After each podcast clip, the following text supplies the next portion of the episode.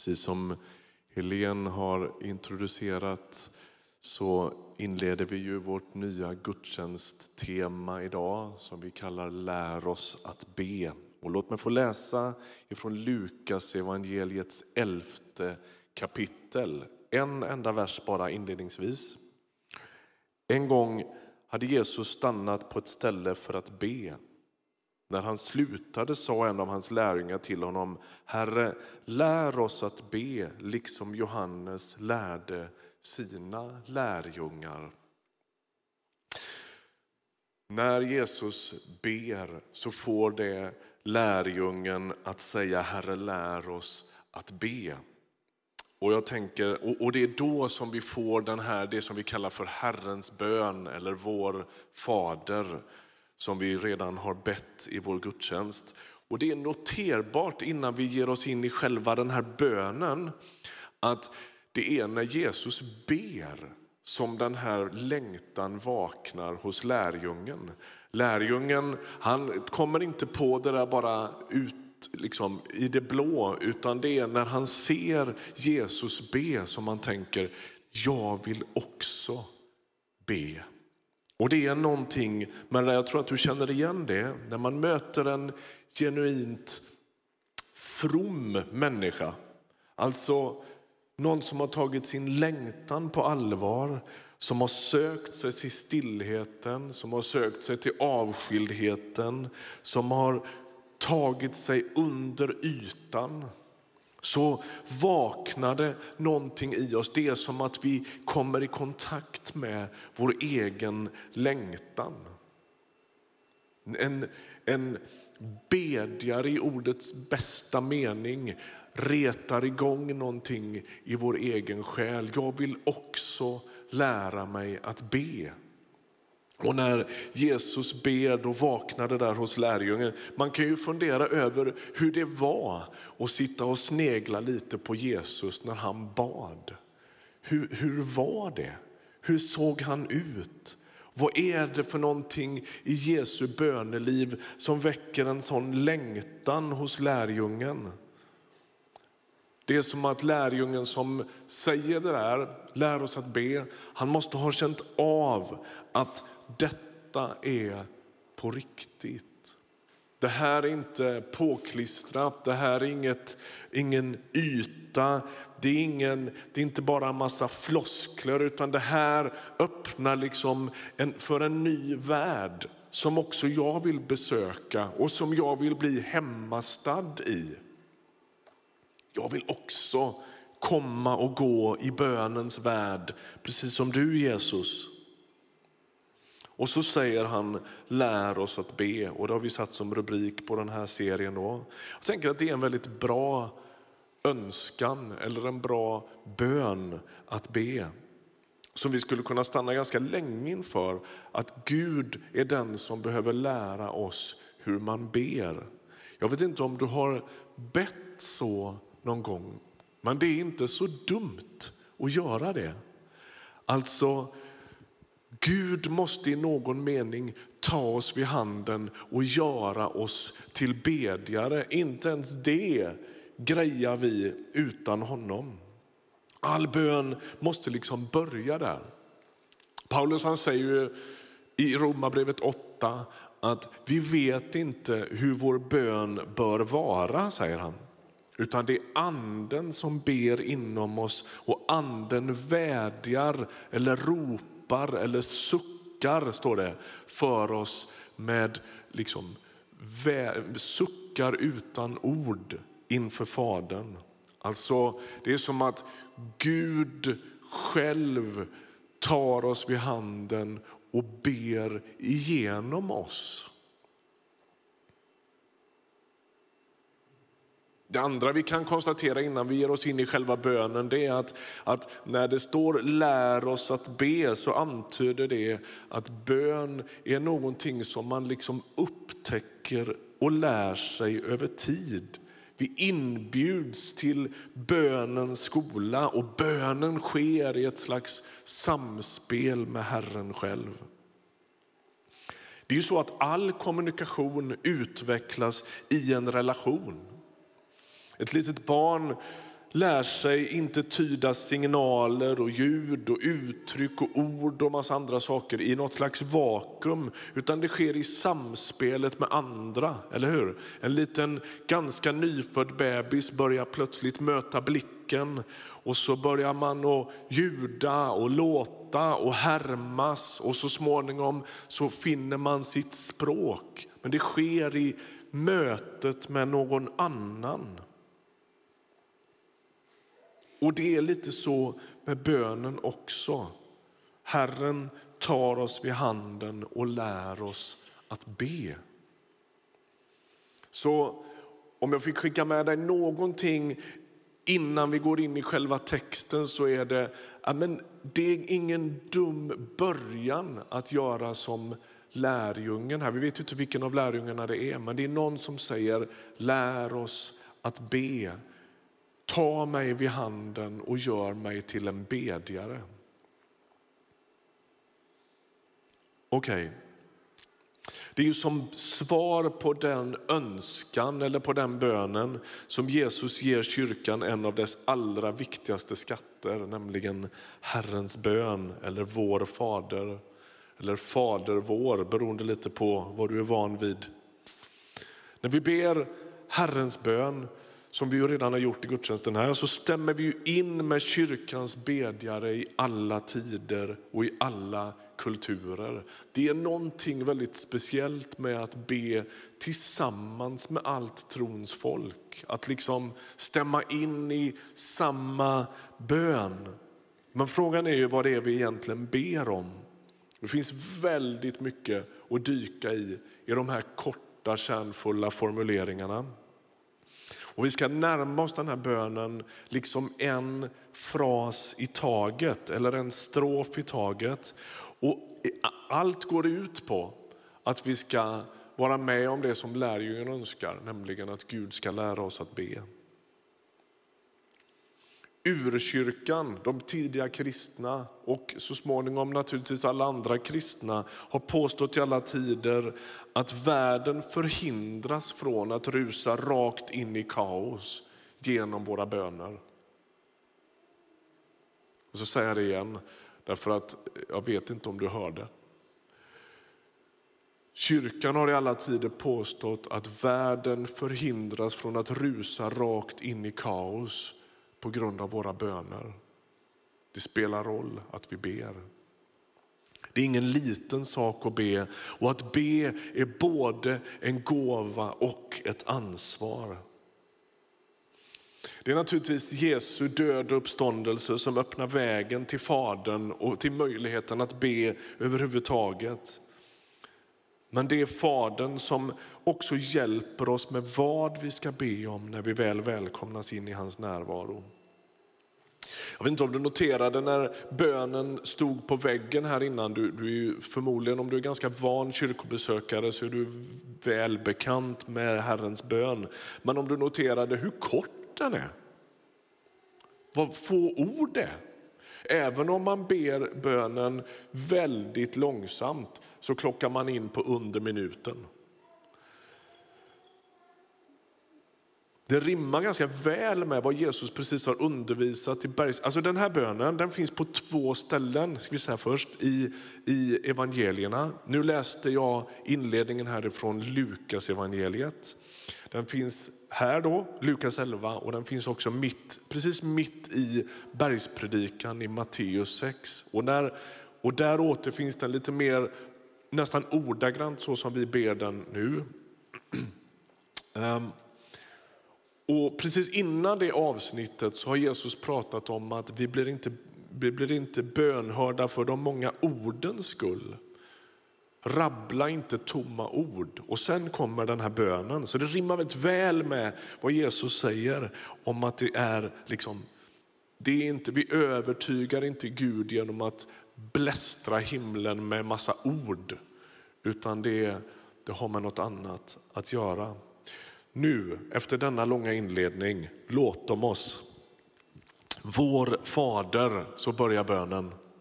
Jag kan bara säga det då, att, att det finns ju som sagt då texten i Lukas och texten i Matteus. Och det är ju utifrån Matteus-texten som vi liksom hämtar de här formuleringarna. Men den är lite, lite tillrättalagd utifrån det som står i Matteus, utifrån att vi har enats i kyrkan om en slags ekumeniskt uttryck för de här, eller de här ordvalen. Vi kommer tillbaka till det lite senare i serien där det avgörs lite mer, men idag spelar det ingen större roll. In, bönen inleds med Vår Fader och all bön avgörs av gudsbilden. All bön avgörs av gudsbilden. Om jag inte tror att Gud är god så kommer jag inte heller att söka honom. Om jag inte tror att han tar emot mig då kommer jag att hitta på något annat med mitt liv. Och därför måste jag lyssna till mitt eget motstånd när det handlar om bön. Om det är så att jag har ett sånt om det är så att jag drar mig för att be så behöver jag lyssna till varför är det så? Vad är det som vaknar hos mig som drar mig bort från bön, om det nu är så? Det är nämligen inte särdeles fruktbart att fundera över att jag borde be om jag känner ett inre motstånd. Utan jag behöver få syn på det motståndet som gör att jag inte ber? Min gissning är att det ganska sannolikt har med gudsbilden att göra. Alltså om jag tror att Gud kommer att klanka ner på mig, om jag tror att han kommer att recensera min bön, om jag tror att han kommer att titta åt ett annat håll och inte riktigt bry sig, om jag har en massa erfarenheter av att, att bli bortstött och förkastad på olika sätt så kommer jag förmodligen att göra något annat med mitt liv än att be. Därför att då vaknar allt motstånd och det behöver jag liksom få syn på. Det avgörs på vem jag tänker att Gud är. Och Jesus han säger så här ska ni be. Vår Fader. Annars när Jesus talar om Fadern så talar han om min fader eller om er fader. Det här är det enda stället där han liksom ställer sig i bredd med allt trons folk, med hela kyrkan. Vi ber tillsammans med Jesus till vår gemensamme far. det här är ju enastående tjusigt. Vilken inbjudan. Det är som att Jesus som finns i det som teologerna i kyrkans historia har kallat för den kosmiska dansen mellan fader, son och ande. Den eviga gemenskapen i Gud. Han finns där. Han rör sig alldeles fritt där. Han är ständigt liksom inför Fadern och så tar han med sig dig och mig och så liksom krokar han arm med oss och så säger han vår Fader. Vår. Är du med? Det är ofattbart vilken inbjudan som finns i det. Sonen, alltid son, alltid vid Faderns sida, alltid i total oförstörd närkontakt med Fadern, drar med oss in i den gemenskapen. Vi blev del av den innerlighet, av den relation, av den gemenskap som sonen har med sin fader, vår fader. Paulus han säger så småningom att vi har blivit inadopterade i Guds familj. Och här är det som att här, i detta enda lilla uttryck, vår fader, så ryms liksom hela evangeliets hemlighet. Den syndiga människan blir indragen i gemenskapen mellan Jesus och hans fader, vår fader.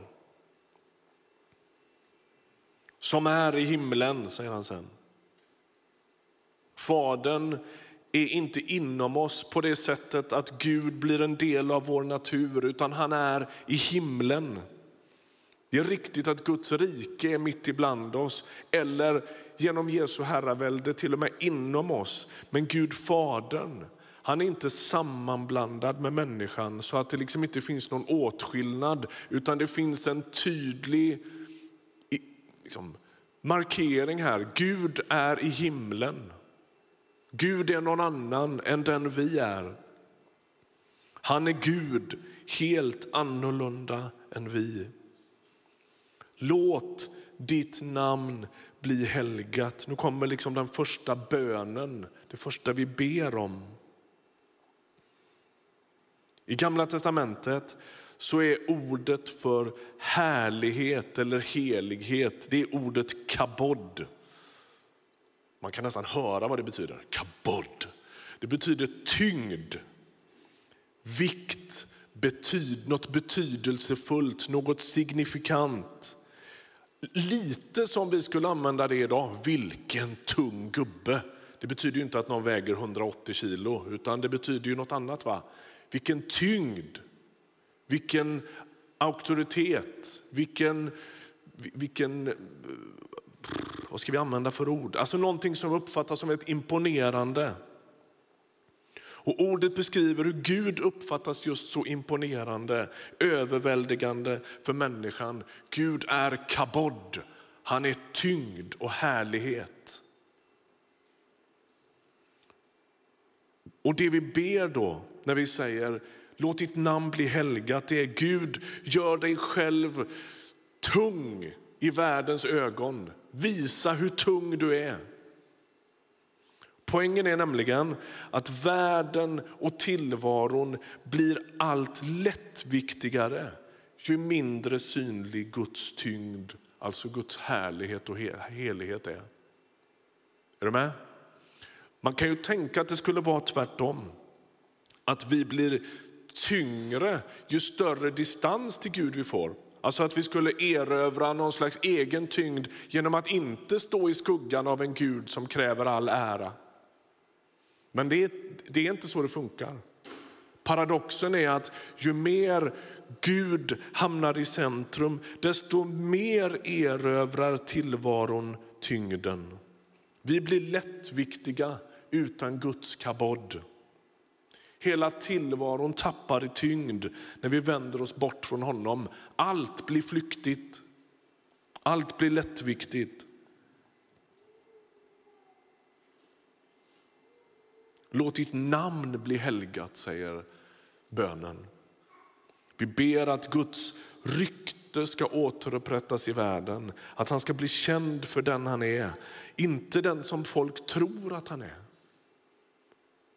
Ni vet hur vi kan stånga oss blodiga ibland i mötet med människor. Och, men Gud det är inte sån som du tror, han är ju sån här. Det är ju det vi ber om här. Gud, låt ditt namn bli helgat. Låt ditt rykte återupprättas. Kliv fram ur skuggorna av våra föreställningar och visa vem du verkligen är. Och här ligger också att vi genom att be Gud låt ditt namn bli helgat så, be, så påminner vi oss själva om att vi inte kan använda Gud hur som helst. Vi kan inte köra med honom. Vi kan inte använda hans namn hur som helst. Hans namn är heligt. Det, är liksom, eh, det, det, det måste värnas. Jag har citerat det förut här, men jag tycker det är så fruktansvärt bra sagt. Hans Johansson som predikade här mycket medan han levde, han sa ofta så här, Gud är inte utrustad med användarvänliga handtag. Man kan inte hålla på och flytta runt på honom hur som helst. Och Det är egentligen precis det vi ber om här. Gud låt ditt namn bli helgat. Vi, vi avsäger oss liksom alla försök att flytta runt på dig, att köra med dig, att använda dig för våra syften. Ni vet vad Gud säger i brinnande busken när han möter Mose. Han säger jag är den jag är. Det rimmar väldigt, väldigt väl med den här bönen. Låt ditt namn bli helgat. Var den du är. Hjälp oss att inte förminska dig. Lägg märke till att vi människor spelar en ganska liten roll i dagens bön. Vi åstadkommer egentligen inget särskilt. Det är inte vi som ska göra Guds namn heligt eller helgat, utan han själv. Låt ditt namn bli helgat. Vi ber inte hjälp oss att helga ditt namn eller vi vill vara med och bygga ditt rykte i världen. Alltså det, det kommer så småningom antydningar åt det hållet men när vi inleder den här bönen så handlar det om att Gud ska visa sig stor. Egentligen oss förutan på ett sätt. Jag tror att det finns en poäng med att bönen börjar där. Det finns några ord som inte alls finns i Herrens bön. Jag, mig och mitt återfinns inte en enda gång i den här bönen. Matteus, som ju liksom vi hämtar själva formuleringarna främst ifrån, han älskar att jobba med liksom trio eh, ord. Och man skulle kunna beskriva bönen så här. Vi tar nästa bild. Vi ber om ditt namn, ditt rike, din vilja och sen ber vi om vårt bröd, vi ber för våra synder och vår prövning. Så ser bönen ut om man ställer upp den så här. Och Det finns en poäng med att det börjar med dig, det börjar med Gud och inte med oss. Jag var på en pastorskonferens för rätt många år sedan. Rubriken för hela pastorskonferensen var Allt börjar med dig.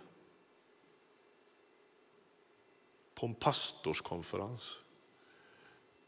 Det är ju heresi. Ingenting börjar med oss. Och det är definitivt inte det en lite stressad, utschasad pastor behöver höra när han åker på pastorsdagar. Allt handlar om dig. Alltså här får vi höra något annat. Gud bygger sitt namn i världen, i universum, i kosmos, oss förutan. Och det vi ber om är Gud, kom igen. Visa vem du är. Inget börjar med oss. Genom inledningen av den här bönen sätts världen i rätt perspektiv. Allt börjar med Gud. Han, ska hans ära och hans rykte upprättas i världen så är vi visserligen med och ber om det. Så långt kan vi sträcka oss. va? Men det är han själv som åstadkommer det. Det är bara Gud som kan uppenbara Gud. Vi har inte en chans på den. Vi kan försöka och tala och sjunga och måla och skriva och greja. Men till sist är det bara Gud som kan uppenbara Gud. Därför måste bönen börja där. Gud, låt ditt namn helgas. Låt ditt namn vara heligt. Och därför är vi tillbaka på det som vi säger här ofta. Den djupaste essensen i bön det är att vi ber Gud om Gud. Vi ber Gud att få möta honom, att få se honom, att få upptäcka vem han är och att han ska träda fram precis sådan som han är och inte sån som vi tror att han är. Vår Fader, låt ditt namn bli helgat. Ska vi be tillsammans?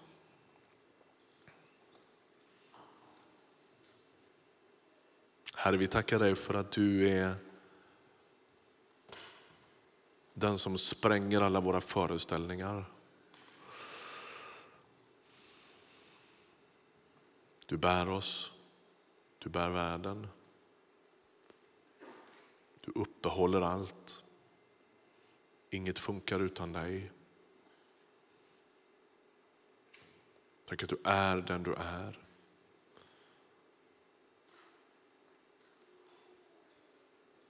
Genom historien har vi människor försökt att om skapa dig, få dig att passa våra önskningar, få dig att tämjas, men du är den du är.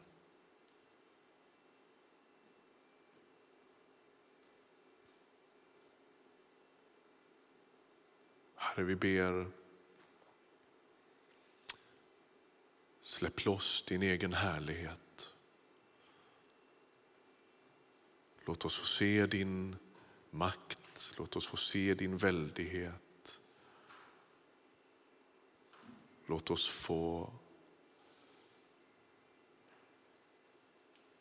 tappa andan inför din tyngd. Kom Herre.